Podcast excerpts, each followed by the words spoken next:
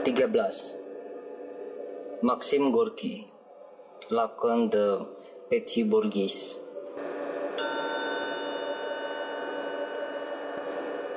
Keresahan umum dan timbulnya revolusi merupakan serangkaian lakon pada teater kami.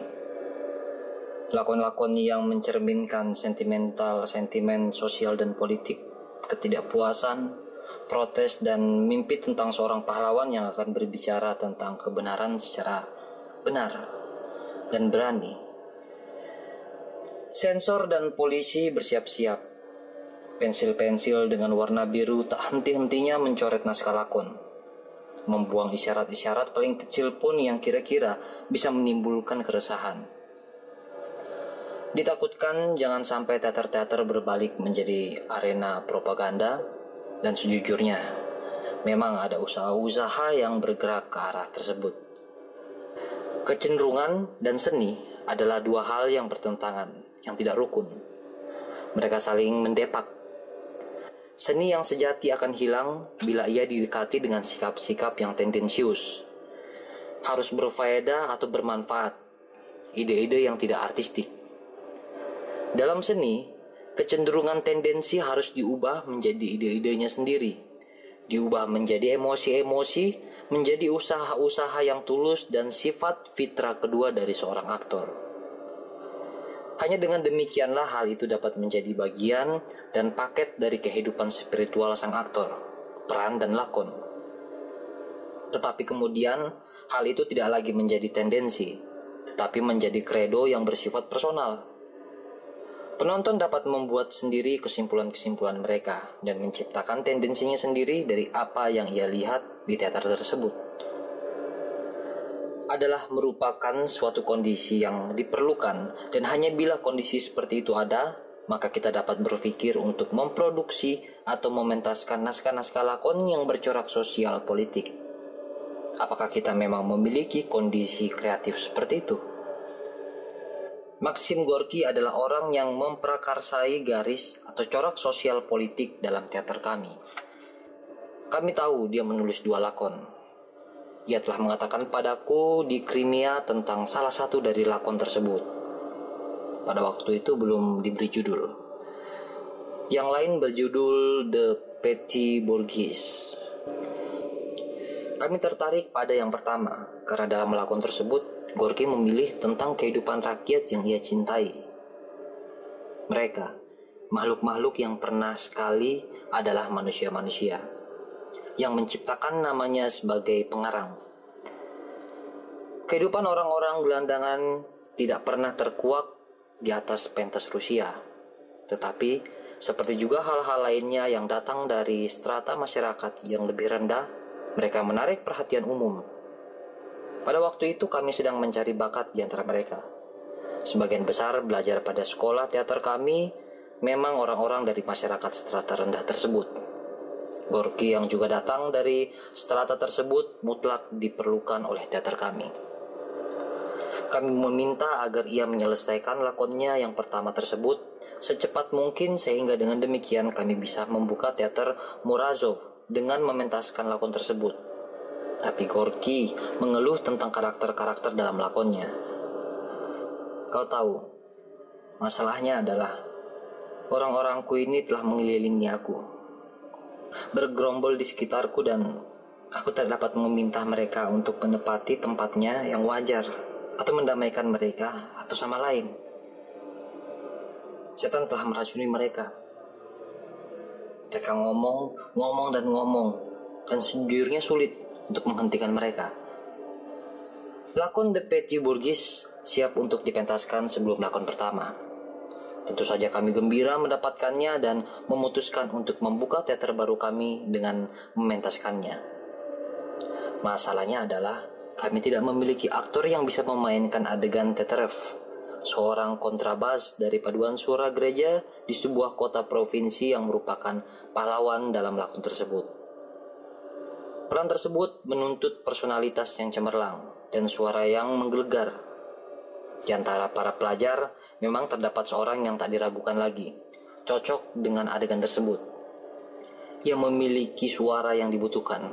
Ia menyanyi di paduan suara gereja dan kemudian pada sebuah paduan suara pada salah satu restoran di pinggir kota. Namanya Baranov.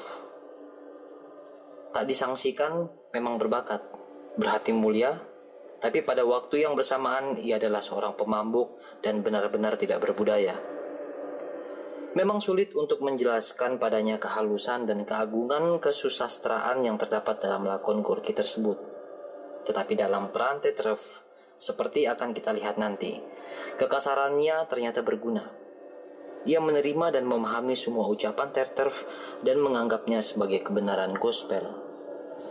Baginya, Tetref menjadi seorang yang real, yang sesungguhnya, seorang pahlawan dan seorang yang ideal dan berkat hal itu, kecenderungan-kecenderungan dan pikiran-pikiran sang pengarang tercipta kembali dalam jiwa sang aktor. Tak ada teknik dan keterampilan yang dapat menghasilkan keseriusan seperti itu dan keikhlasan dalam hubungan seorang kepada situasi dalam lakon dan pikiran-pikiran dari pemeranan. Teterev yang terjelma dalam diri Baranov bukan sesuatu yang teatrikal. Ia benar-benar penyanyi, suatu paduan suara, dan penonton merasakan hal itu dengan seketika dan menghargai karena benar-benar bernilai. Sisanya tertinggal pada sentuhan tangan sutradara yang mempunyai cukup peralatan untuk mencapai tujuannya, untuk meletakkan pemeranan itu dalam tempatnya dan membantunya dengan arti-arti yang sejati. Musim pementasan tahun 1901 sampai 1902, ketika latihan-latihan lakon The Pretty Borgis akan berakhir, tetapi belum siap untuk latihan-latihan bersama di mana kami biasanya mematangkan lakon tersebut dalam pikiran kami. Bila memang belum mantap pada waktunya, maka segala sesuatu akan terlupakan dan kami harus memulai pekerjaan dari awal lagi. Oleh sebab itu, meskipun banyak halangan, kami memutuskan untuk melaksanakan suatu latihan bersama di Peterbrook, di mana kami bisa mengadakan pementasan dalam musim semi.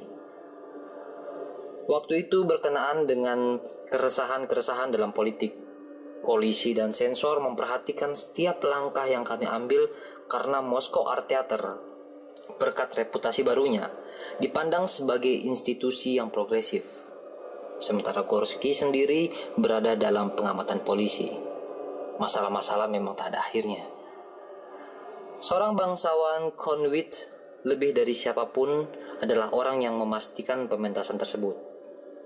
Izin akhirnya diberikan, tetapi banyak perubahan dibuat oleh badan sensor dalam naskah lakon. Beberapa di antaranya benar-benar lucu. Sebagai contoh, kata-kata istri sang pedagang Romanov diganti dengan kata-kata istri sang pedagang Ivanov.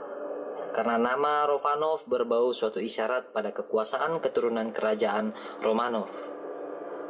Mula-mula kami mendapati izin untuk mementaskan lakon tersebut hanya untuk pembelian-pembelian tiket musim karena dalam negosiasi-negosiasinya dengan penguasa Nemirovic Desenko menjelaskan bahwa dengan pelarangan itu mereka sebenarnya telah mencabut atau mendepak kami dari kemungkinan untuk memenuhi kewajiban-kewajiban kami kepada pembeli-pembeli tiket musiman. Hal ini akan menuju ke suatu episode yang aneh, mengherankan bahwa banyak hal tampaknya tidak tentu. Namun bagaimanapun juga, hal itu merupakan karakteristik paling ekstrim pada masa itu. Takut bahwa selain daripada sebagian besar atau sebagian kecil dari pembelian tiket musim itu, kemungkinan banyak anak-anak muda yang tidak membeli tiket pada pertunjukan itu dan yang secara kebetulan kami membiarkan mereka masuk. Maka Gubernur Peter Brook memerintah semua penjaga pintu diganti oleh polisi Ketika Nemirovic Desenko mendengarkan hal itu, ia mengganti lagi para polisi itu dengan penjaga pintu karena polisi itu selalu membawa efek mengganggu terhadap publik.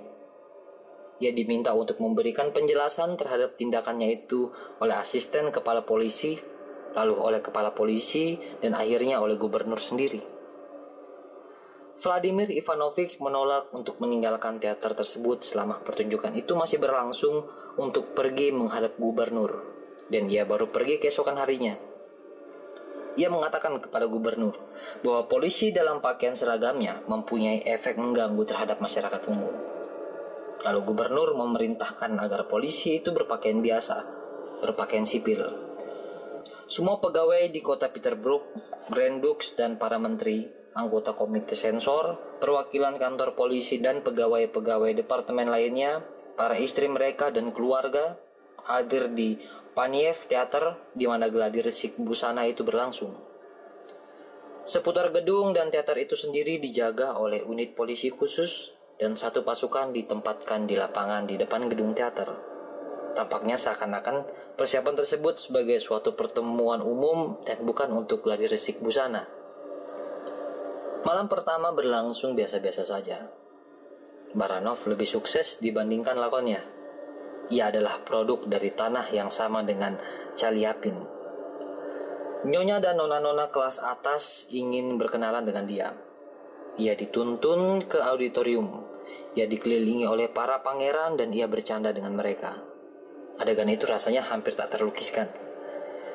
Keesokan harinya, koran-koran memuji dia setinggi langit. Pujian itu merupakan kehancuran baginya. Hal pertama yang ia lakukan setelah membaca koran-koran itu adalah membeli topi tinggi, top hat, sarung tangan, dan setelan jas yang mutakhir. Kemudian ia memulai memaki-maki kebudayaan Rusia. Di Rusia kita cuma mempunyai 10 atau 15 buah koran. Di Paris atau di London, katanya terdapat 500 bahkan 5000 buah koran.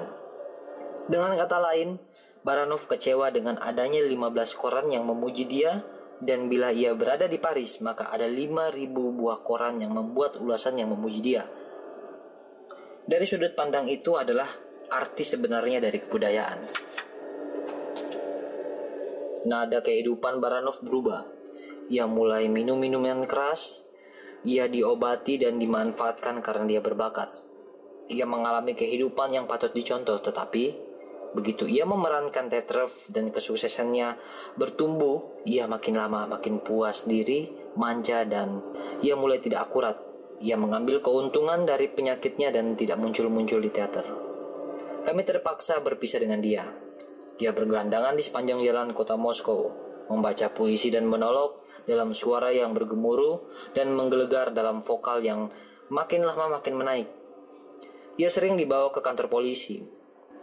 Sesekali ia datang melihat kami. Kami selalu menerima dia dengan ramah dan makan dan minum anggur dengan dia, tetapi ia tidak pernah meminta agar kami mengambil dia kembali. Aku tahu, aku tidak berguna untuk itu. Ia bilang. Kemudian seorang melihat dia cuma memakai pakaian dalam dan akhirnya ia menghilang. Di mana dia sekarang? Orang yang disayangi, gelandangan yang sangat berbakat dengan hati dan otak kekanak-kanakan itu. Mungkin sekali ia telah mati. Karena terlalu banyak kematian yang disebabkan oleh terlalu sukses. Semoga ia beristirahat dengan tenang. Lakon itu dalam keseluruhannya tidaklah begitu sukses, baik di Peterbrook ataupun di Moskow. Dan di balik usaha kami, penonton gagal menangkap arti garis sosial politik yang ada di dalamnya, kecuali barangkali peran yang dibawa oleh Baranov dan ia sendiri sama sekali tidak berpikir tentang politik.